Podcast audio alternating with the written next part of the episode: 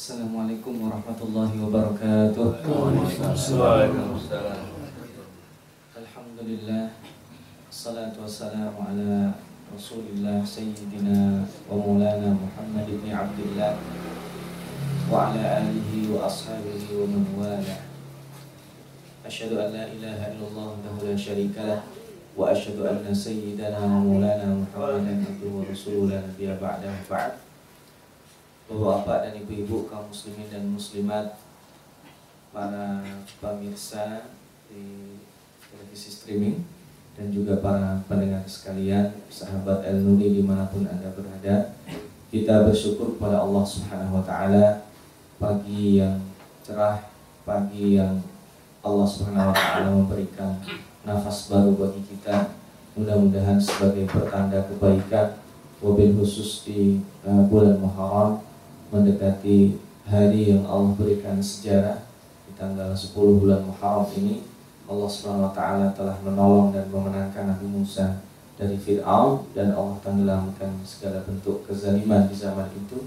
Kita berdoa mudah-mudahan dengan spirit kemenangan ini Allah taala juga menyingkirkan kezaliman yang ada di sekitar kita dan di bulan ini juga taala memberikan totalitas kemenangan kepada baginda Rasulullah Sallallahu Alaihi Wasallam ketika benteng uh, Yahudi yang uh, terkuat yaitu benteng Khaybar ditaklukkan oleh Rasulullah Sallallahu Alaihi Wasallam juga kemenangan-kemenangan yang lainnya. Mudah-mudahan spirit kemenangan ini kita bawa dalam hidup kita. Kita tidak menyerah uh, dengan nafsu kita, dengan kezaliman yang dipraktekkan dan dipertontonkan di sekitar kita. Allahumma amin.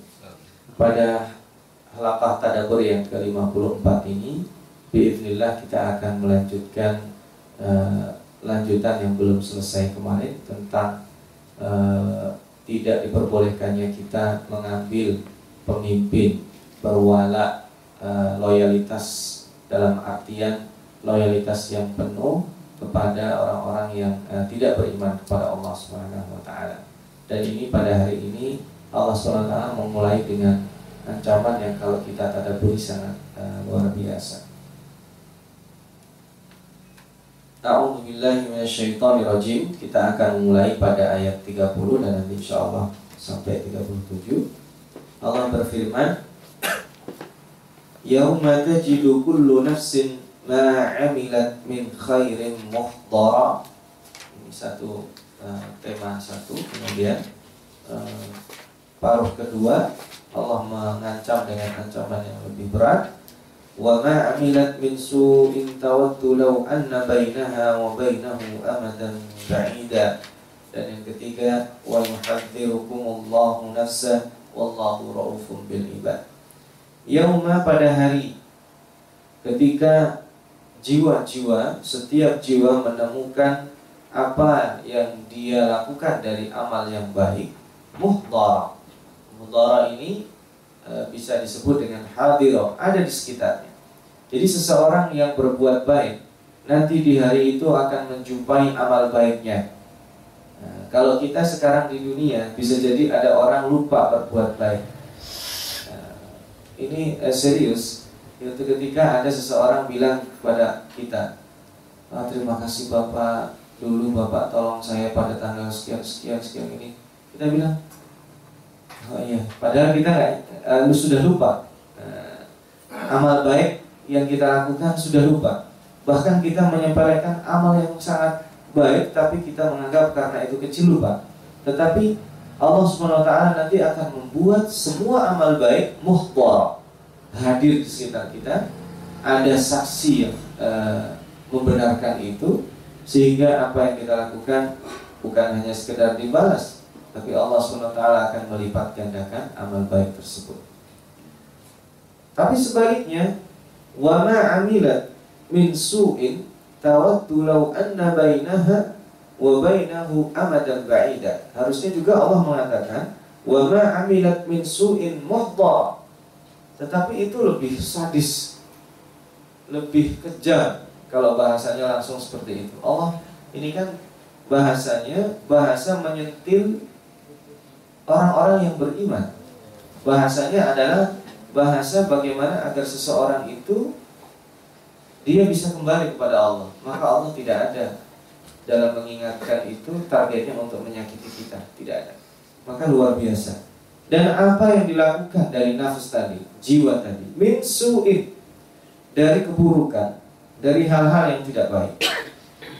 Tawatu, maka mereka, maka dia akan berharap, akan berangan-angan, akan ingin mengatakan, Lau anna bainaha wa bainahu amadan ba'ida seandainya dia dan amal yang buruk tadi satu saja amadan ba'ida.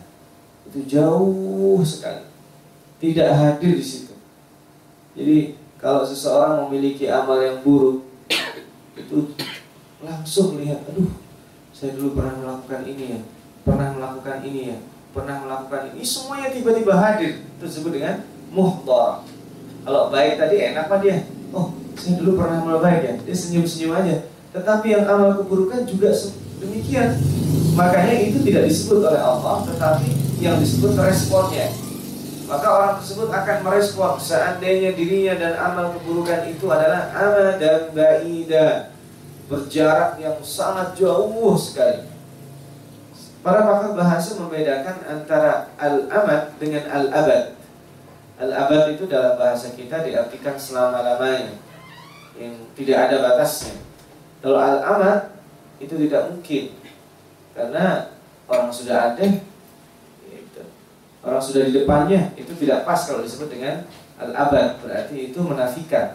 Kalau al-amad itu dia cerminan keputusasaan tetapi ada batasnya. Nah, al-amad itu jarak yang jauh sekali tapi sebenarnya jauh itu bisa ketemu kalau al-abad itu sama sekali tidak ketemu. Jadi seandainya saya dulu pernah melakukan A, itu jauh sekali dan nanti tidak dianggap oleh Allah. Itu amat. Karena kalau dianggap tidak dianggap mustahil juga orang sudah di depan dia. Maka di sini takbirnya sangat-sangat dakik, sangat-sangat detail sekali. Sudah disebut al-amad atau amadan itu dan di situ Ditakkitkan lagi, seandainya Allah hanya mengatakan lau anna bainaha wa bainahu amada, itu sudah cukup. Tetapi amada jauh yang seseorang ibarat kata begini, kita mau mendaki gunung, itu puncak kelihatan. Ya, itu baru disebut dengan amad. Puncaknya kelihatan. Nanti ada batasnya. Nanti kalau saya sudah sampai di sana selesai. Tapi baida udah jalan setengah hari nggak sampai juga itu uh, puncak gunung ya. Maka itu bisa membuat uh, jiwa seseorang menjadi ngedrop. Tapi kalau seandainya dia sudah berpisah dengan istri dengan suaminya atau suami dengan istrinya atau dengan anaknya hilang dan tidak ada harapan untuk kembali, nah itu tidak tidak bisa disebut dengan amat karena tidak jelas batasnya. Bisa jadi memang tidak kembali untuk selama-lamanya. Itu baru disebut dengan al-abad. Nah, ini yang kedua perasaannya teraduk-aduk. Yang ketiga, wa yuhadzirukumullahu nafsa dan Allah mengingatkan, Allah mengancam, Allah menggertak, Allah memberikan tekanan. Allah tidak pernah lupa. Kalau seandainya dia tetap melakukan yang awal ini kan kaitannya dengan kemarin ya.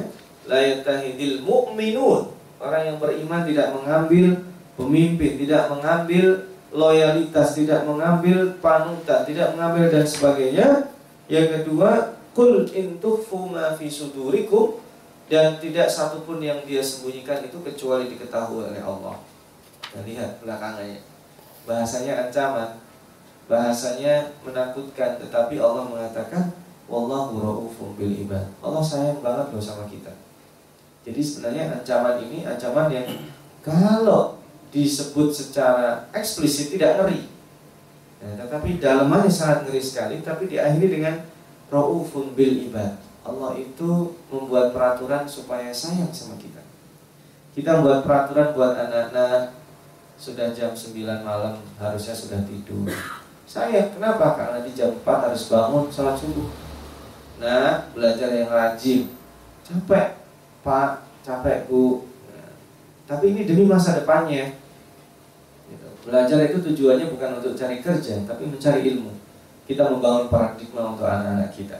Nah ini raufum bil ibad. Saya pernah dulu e, orang tua menyuruh belajar itu dari kadang dari pihak ibu itu kasihan sama anaknya. ini pulang sekolah disuruh belajar disuruh ini uh, mungkin tidak jarang suatu ketika kalau kita sudah agak disebut dalam bahasa Al-Quran bala wa ma'hu sa'ya sudah paham itu seorang anak bisa mikir ada orang tuanya yang kasihan pada dia. Tetapi bisa jadi kasihannya itu kalau kemudian udah kalau gitu nggak usah belajar. Nah itu bukan rauf. Karena raufun bil ibad ini dia tahu untuk masa depannya. Kalau nanti dia melakukan yang pertama ma'amilat min khairin muhdara maka dia akan berbahagia.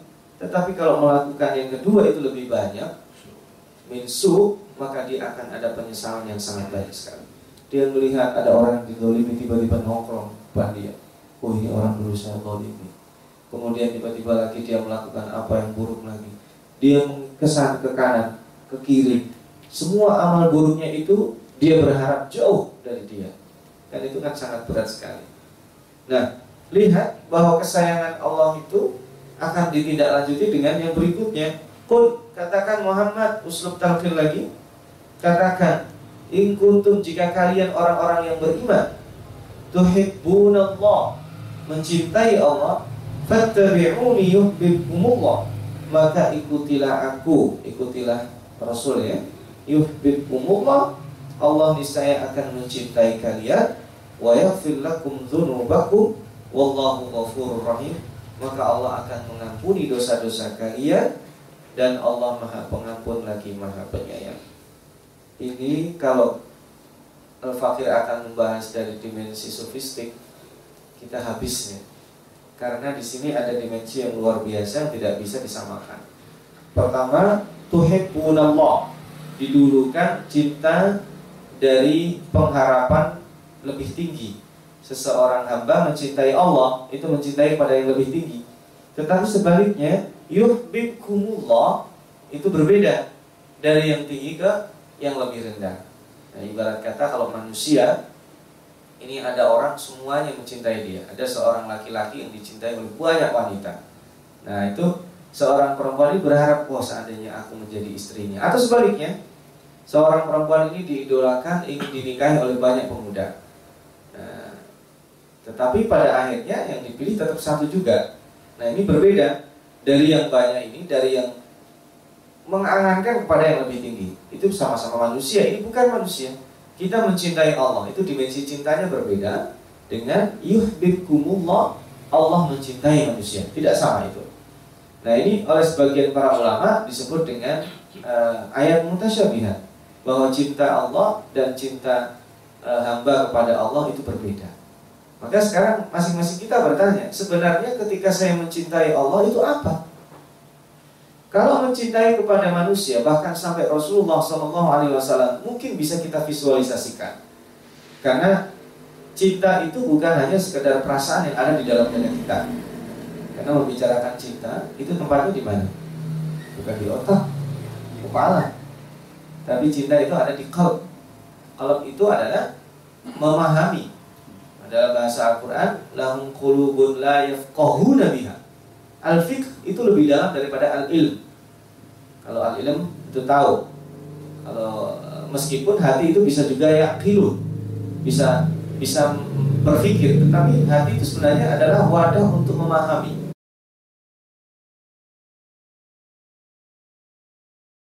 Ketika yuhibbukumullah Ketika yuhibbukumullah itu Bahwa cinta dari yang lebih tinggi kepada yang lebih rendah maka cintanya adalah cinta memberi.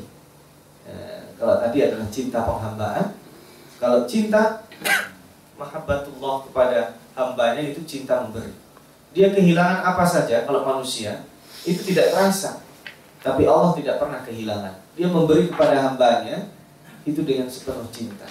Berbeda kan kalau seorang anak dia beberapa kali kita visualisasikan sudah jatahnya bayar SPP, sebandel-bandel anak kita tetap akan memberi itu. Tapi beda dengan anak ini sangat kita cintai. Bukan hanya SPP kita kasih, tapi uang sakunya kita beri dan orang tua tidak merasa rugi.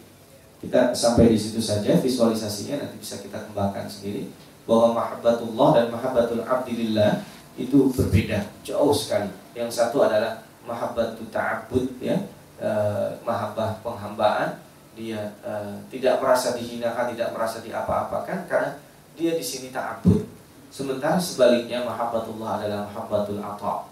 Ini mahabbah yang memberi. Al-Fakir hanya membahas satu dimensi saja. Nah, yang berikutnya yang kedua, konsekuensi dari cinta itu adalah wa yaghfir lakum dzunubakum. Maka engkau akan diampuni oleh Allah. Kalian akan di yaghfir lakum dzunubakum. Jadi makna ampunan itu maghfirah itu sebenarnya adalah as menutup aib sebenarnya. Jadi kalau ada uh, si A melakukan kesalahan kepada saya yang disebut diampuni, dimaafkan itu artinya saya menutup aib itu. Udahlah urusannya antara ente dan saya saja. Tidak saya ceritakan ke yang lainnya. Nah tahapan yang berikutnya itu diputihkan, dianggap tidak ada. Nah, jadi maghfirah itu makanya dalam bahasa bahasa Al-Quran itu sifat Allah ada dua Ghafirud dambi wa qabilut taub Jadi yang memaafkan atau mengampuni dan yang menerima taubat.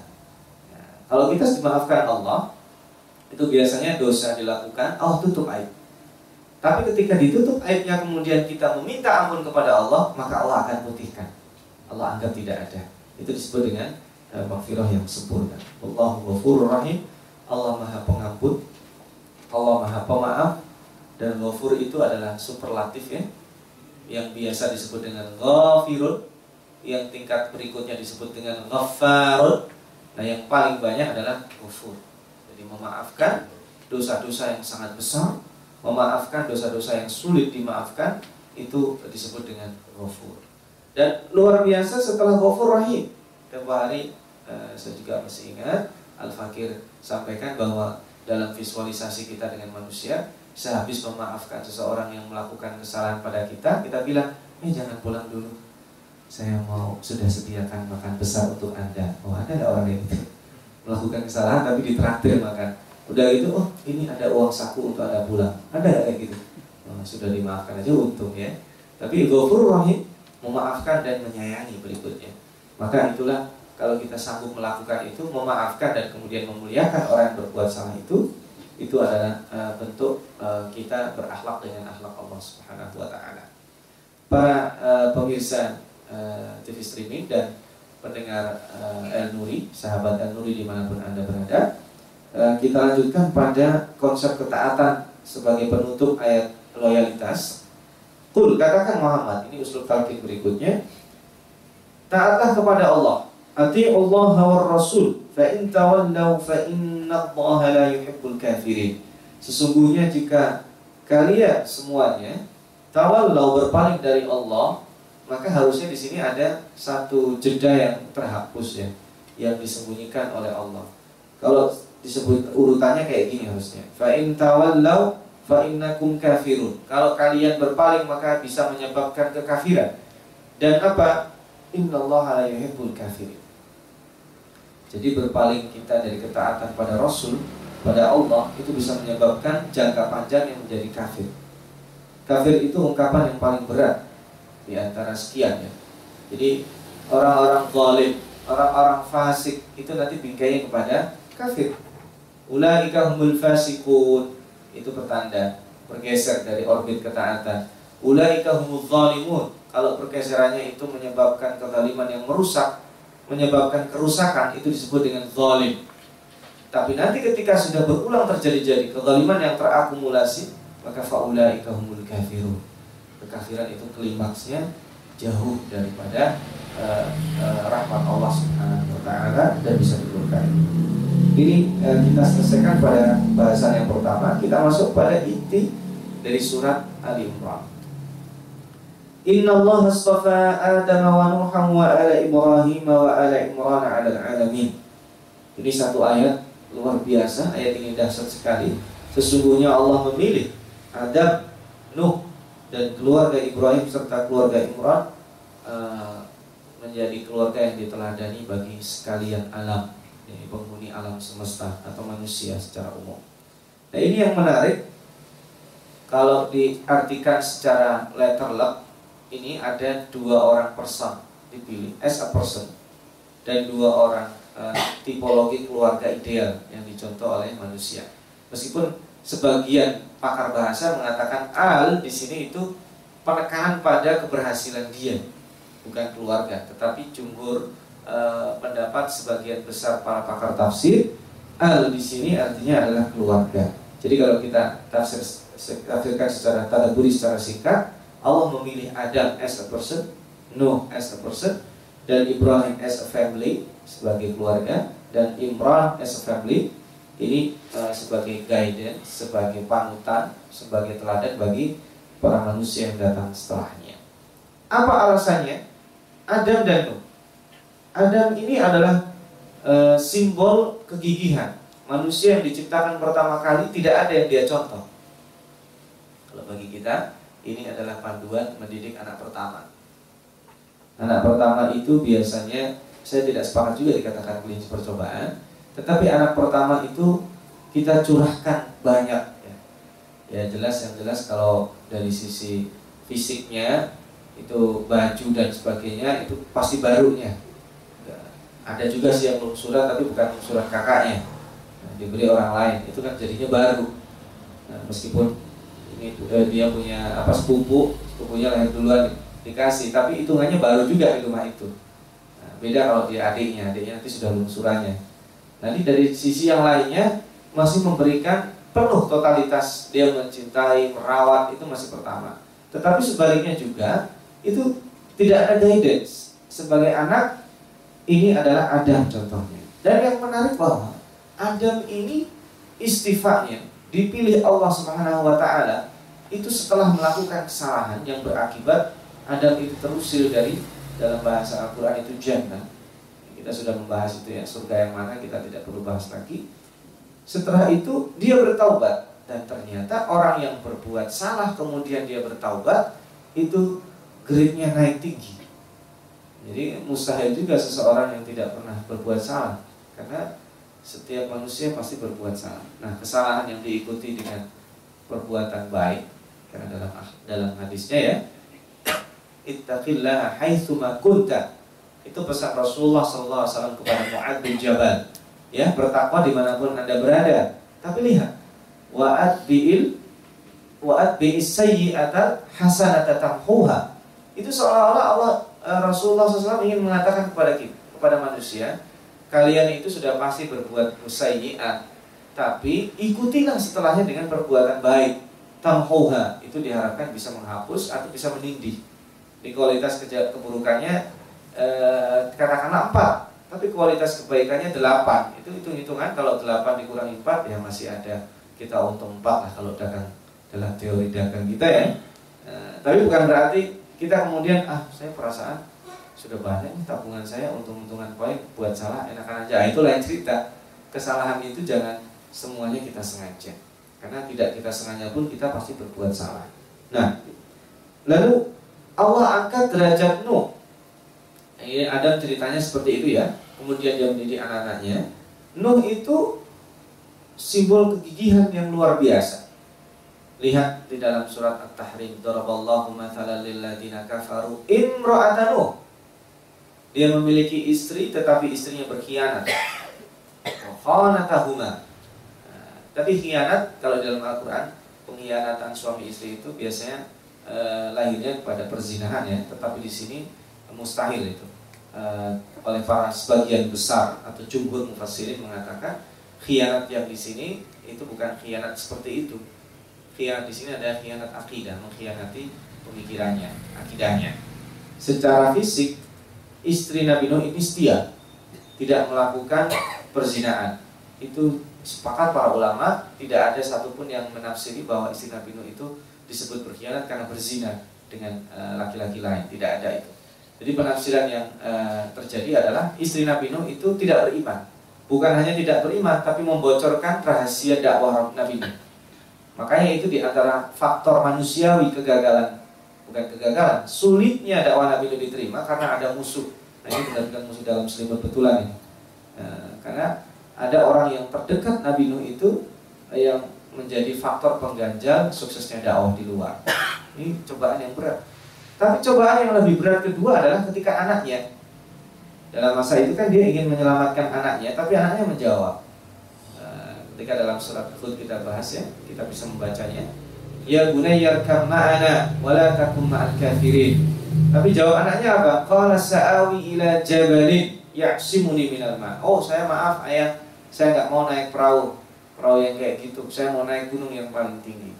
Tapi Nuh tahu akibatnya. Tidak ada satu orang pun yang selamat pada hari itu.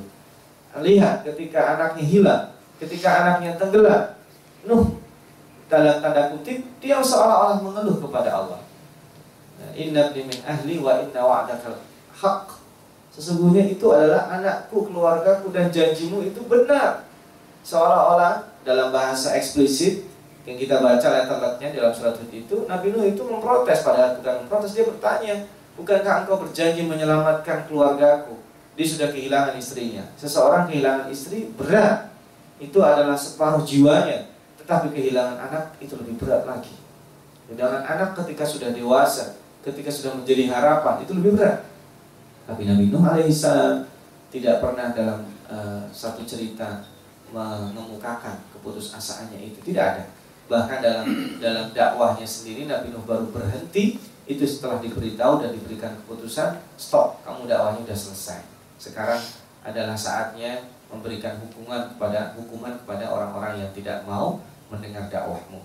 Nah itu Nabi Nuh adalah simbol kesabaran yang tidak ada habisnya. Maka tidak benar kemudian kita katakan kesabaranku sudah habis. Cobaan kita tidak seberat cobaan Nabi Nuh. Kesabaranku sudah habis. Apa yang kita dicoba oleh Allah? Cobaan kita tidak seberat cobaan para nabi. Itu as a person ya. Lalu sekarang yang menarik, as a family, kita bisa melihat Nabi Ibrahim. Kita tidak perlu membahas bagaimana Nabi Ibrahim, keteladanan Nabi Ibrahim mendidik istrinya, keteladanan Nabi Ibrahim mendidik anaknya, keteladanan Nabi Ibrahim, mewakafkan anak-anak dan keponakannya serta keturunannya itu untuk dakwah semuanya. Maka menurut Ibnu Katsir jumlah anak ada yang mengatakan 12, ada yang mengatakan 13, ada yang mengatakan lebih dari itu.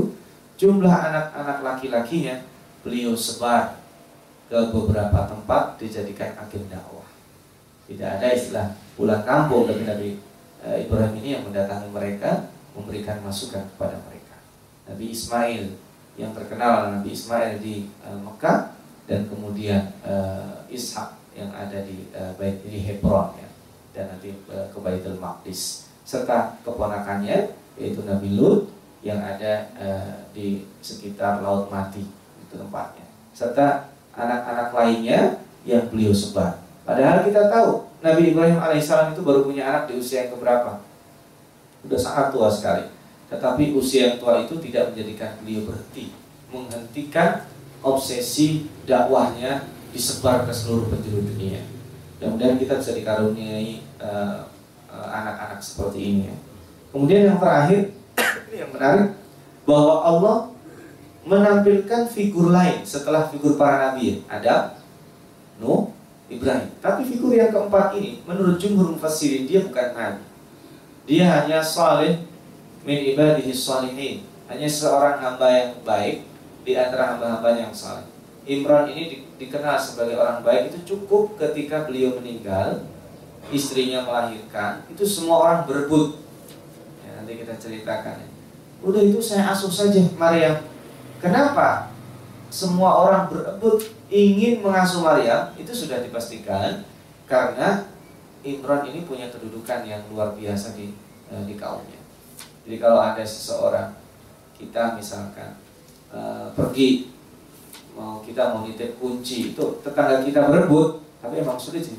Dan perspektif kita sekarang ini berebut ini ya jangan-jangan mau apa ya kita sudah. Itulah susahnya kita menjadi asing di negeri sendiri. Al-Fatih suatu ketika pada saat pergi uh, safari dakwah dan penelitian di Eropa itu menaruh tas ransel di, de di depan di dada semua orang melihatin kok orang melihatin saya aneh gitu karena normalnya orang naruh ransel di belakang. Kok saya naruh di, di depan? Itu sudah paranoid duluan ternyata. Kalau di sini kan naruh ransel di belakang itu seolah ngasih orang ambillah isi tasku kan? Ya, itu paradigma yang terjadi di negeri kita. Kita menatap mata-mata saudara kita dengan mata-mata curiga. Nah itu yang sedih sekali. Jadi harusnya tidak terjadi di negara kafir sana itu tidak terjadi. Orang uh, biasa meskipun ada pencurian, tetapi nyaman dia menaruh tas ranselnya di di punggungnya, tidak khawatir di dalamnya akan di, uh, dicuri orang. Bahkan ketika terbuka kita diingatkan itu resleting tasnya terbuka.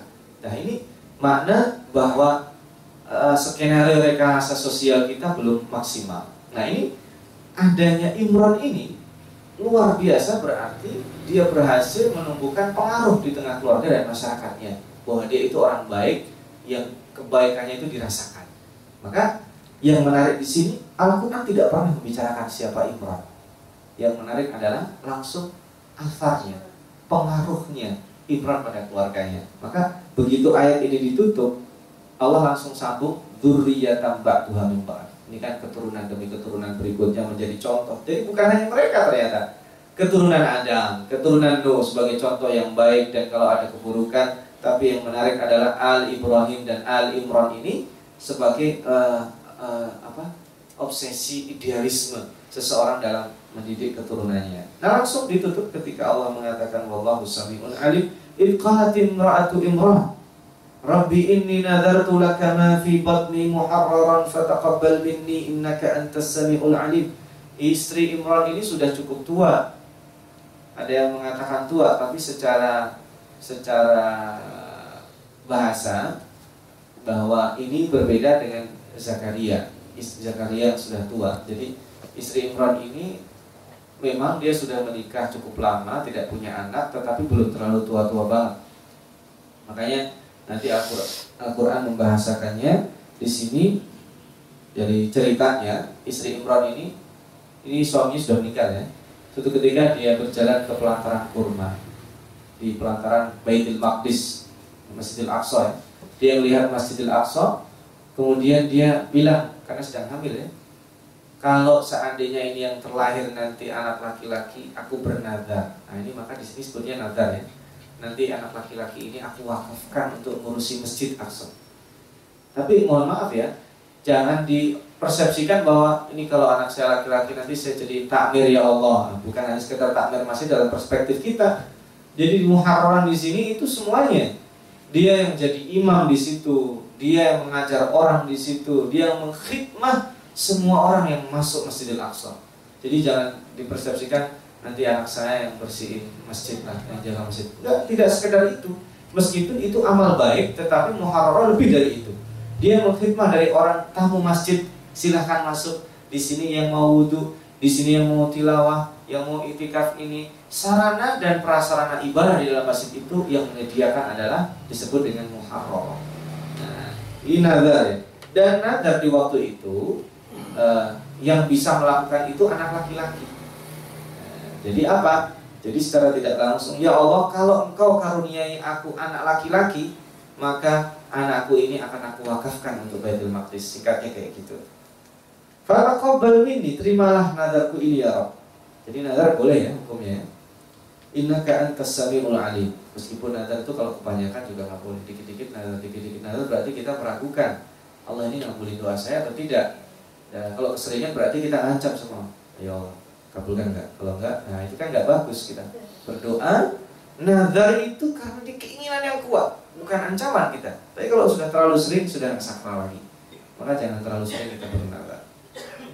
Falamma wadu'atha dan lihat ketika dia sudah melahirkan anaknya. Lihat ya. Falamma wadu'at ha. Berarti ini bukan laki-laki, perempuan. Qalat. Terkejut dia. Rabbi ini wada'tuha untha. Ya Allah, yang terlahir ternyata perempuan. Nah, di situlah dilema dia. Dia pernah bernazar kalau laki-laki akan menjadi muharrara, akan menjadi khadimul Masjidil Aqsa. Kalau di sana ada Fatimul Haramain ya, Fatimul Baitul Maqdis. Ini perempuan. Nah, gimana ini? Itu sama misalkan ya Allah, kalau saya seandainya bulan ini gaji saya naik dua kali lipat, saya akan begini begini begini. Ternyata naiknya dua kali lipat kurang dikit.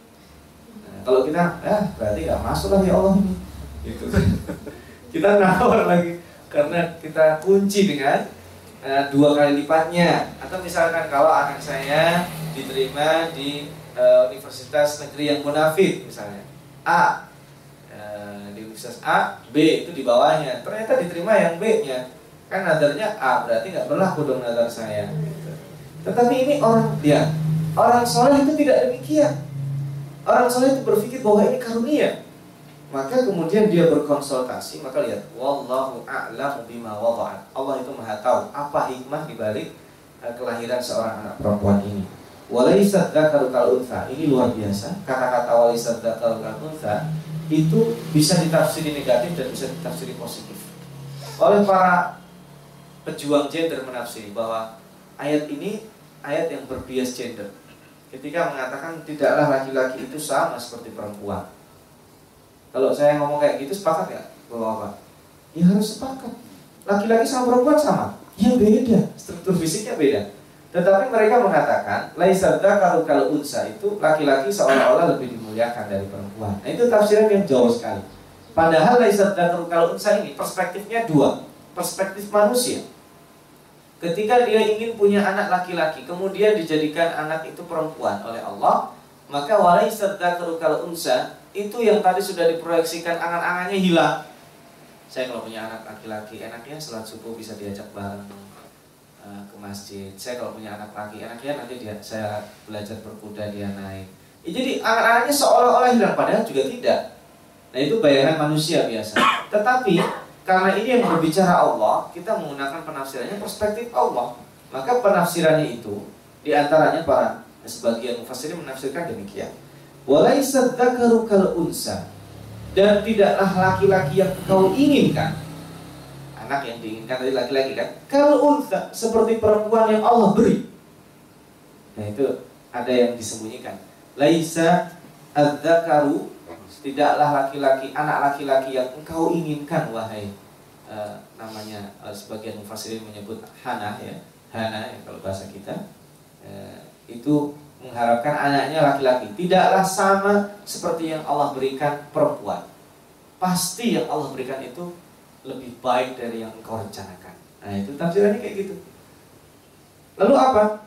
Maka dia langsung terima. Wa ini sampai Tuhan Maryam. Aku namakan anakku ini Maryam. Wa ini uizuha. Dan aku berlindung kepadamu.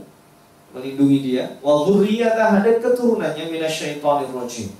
Ini para pakar tafsir ini di ayat ini kata-kata ini diulang berkali-kali.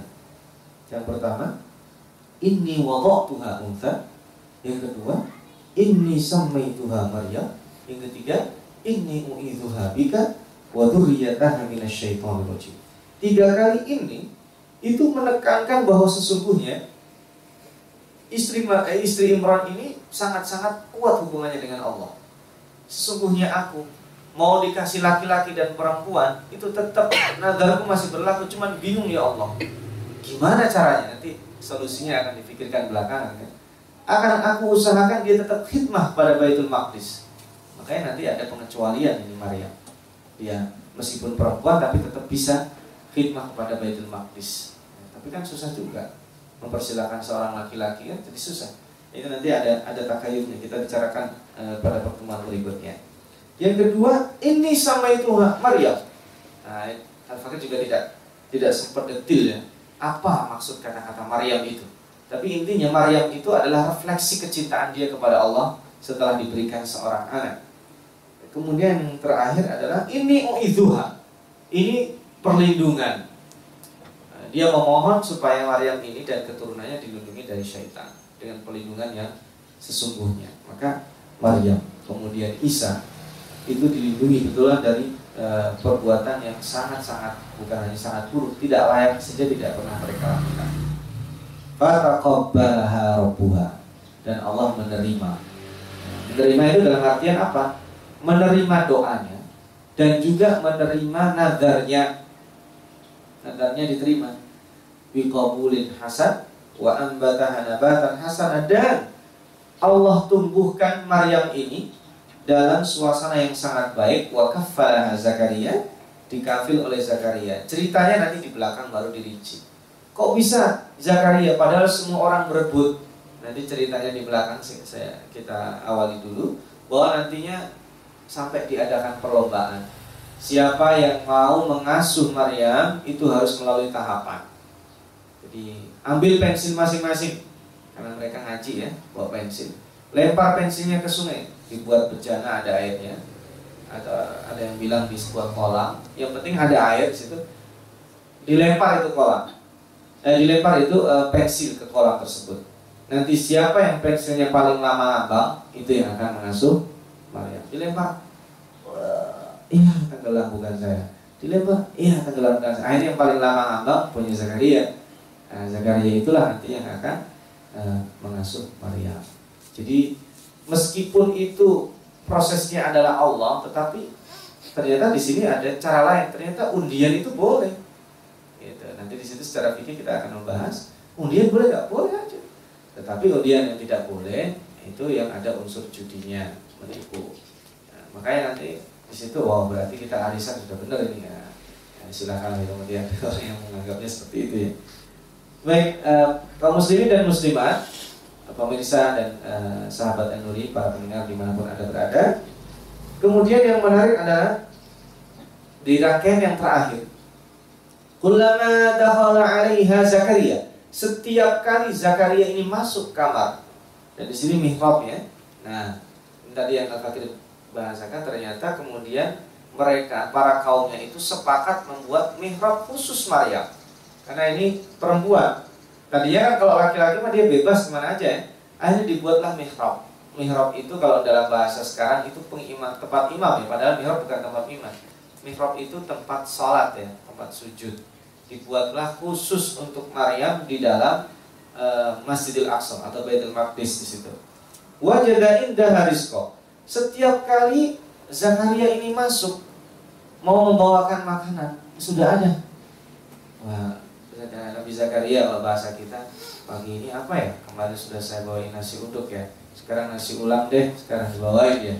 Begitu sampai sana dia mendapatkan lebih luar biasa. Sudah ada. Siapa yang memberi rizki? Kemudian dia tanya kalau ya Maryam? Zakaria bertanya ya Maryam wahai Maryam anda laki hada? Ini siapa yang ngasih? Anda laki hada. Siapa yang mendatangkan ini?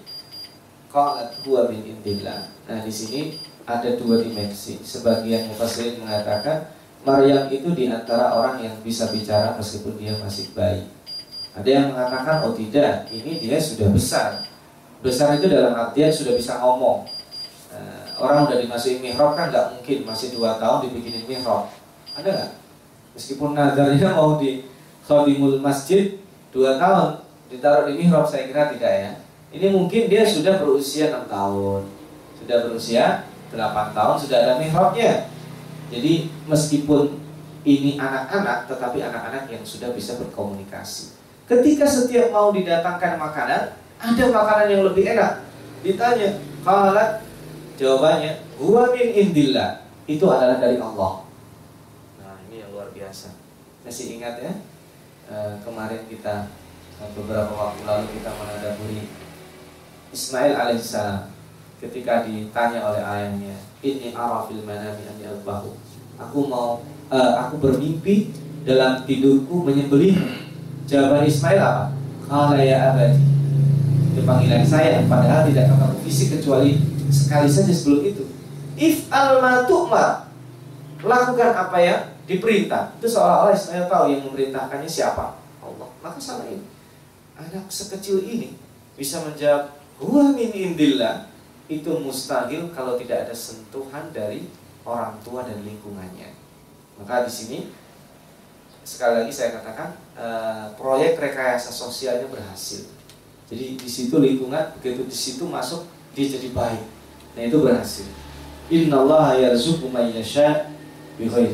Sesungguhnya Allah memberikan rezeki kepada seseorang kepada siapa saja yang dia kehendaki tanpa perhitungan. Perhitungan itu Allah nggak nggak pernah hitung itu. Kalau kita, you ngasih saya apa? Kalau sekarang mengharap saya memberikan, kamu dulu pernah berjasa, itu kan hitung-hitungan. Itu tafsiran yang pertama. Tafsiran yang berikutnya, Bigoiri hisab itu di luar prediksi kayak tadi, tanpa perhitungan manusia. Yang sekarang sedang tidak musim sekarang belum musim rambutan ya tiba-tiba kok setiap datang ke sini kok ada rambutan dari mana jawab aja. Dari Allah. Kalau kita dari Allah karena duitnya banyak. Eh, mini intilah tidak musim ada di situ. Maka di sini terjemahan annalaki hada itu heran. Itu karena ada makanan yang tidak di musimnya. Ada yang bilang heran karena ada makanan itu kualitasnya lebih baik dari yang dibawa oleh Zakaria. Ada makanan itu luar biasa. Intinya setiap datang makanan sudah ada. Bukan berarti kemudian Zakaria udahlah besok berarti saya nggak usah ya Zakaria tidak demikian meskipun sudah ada makanan itu Maryam dia setiap masuk itu tetap membawa makanan tapi setelah mungkin berlaku tiga kali ya dia berkata, ini dari mana kamu makanan Maryam? Maryam menjawab apa? Min indillah. Dan Allah memberikan rezeki pada hambanya sesuai dengan yang dia kehendaki. Jadi ini inti dari kita nanti kita belajar ya pada Maryam bahwa rezeki kita itu yang menyediakan Allah. Maka jangan pernah cemas. Saya sudah bekerja bertahun-tahun saya kok begini-begini saja. Oh sebentar rezeki itu bukan masalah yang kita lihat. Allah menyediakan rezeki sesuai dengan yang dia kehendaki. Maka bigoi hisab itu e, tafsiran yang kedua adalah di luar prediksi manusia. Dan terus di luar prediksi manusia, di luar prediksi orang lain yang tidak mengalami. Ini tafsiran bigoi hisab sangat luas. E, yang jelas bahwa bigoi hisab itu tidak bisa dihitung-hitung di luar perhitungan siapa saja. Ini yang bisa e, kita tadaburi dalam halaqah ke-54 e, kaum muslimin dan muslimat Bapak dan Ibu-ibu hadirin sekalian, para pemirsa di streaming dan juga uh, para pendengar dan sahabat LMD di mana pun anda berada. Mudah-mudahan dua pembahasan tema pada pagi hari ini yang pertama kelanjutan tentang etika loyalitas kita, yang kedua uh, tentang kita belajar mencintai Allah, belajar mencintai Allah dan yang berikutnya kita belajar kepada orang-orang yang menjadi manusia pilihan Allah. Ada Nuh, yang wajib kita tiru as a person dan keluarga Ibrahim serta keluarga Ibrahim as a family bagaimana kita mendidik keluarga kita dan proyek rekayasa kebaikan sosial kita terus kita lanjutkan. Cerita ini masih bersambung karena ini adalah menginspirasi uh, uh, Nabi Zakaria dan istrinya. Mudah-mudahan yang sedikit ini bermanfaat. Uh, kita tutup sementara dan nanti bisa kita lanjutkan dalam dialog. Aku qouli hada ja'alallahu wa iyyakum minal ladzina yastabi'una al-qawla fayattabi'una ahsana Wallahu a'lam bishawab. Wassalamualaikum warahmatullahi wabarakatuh.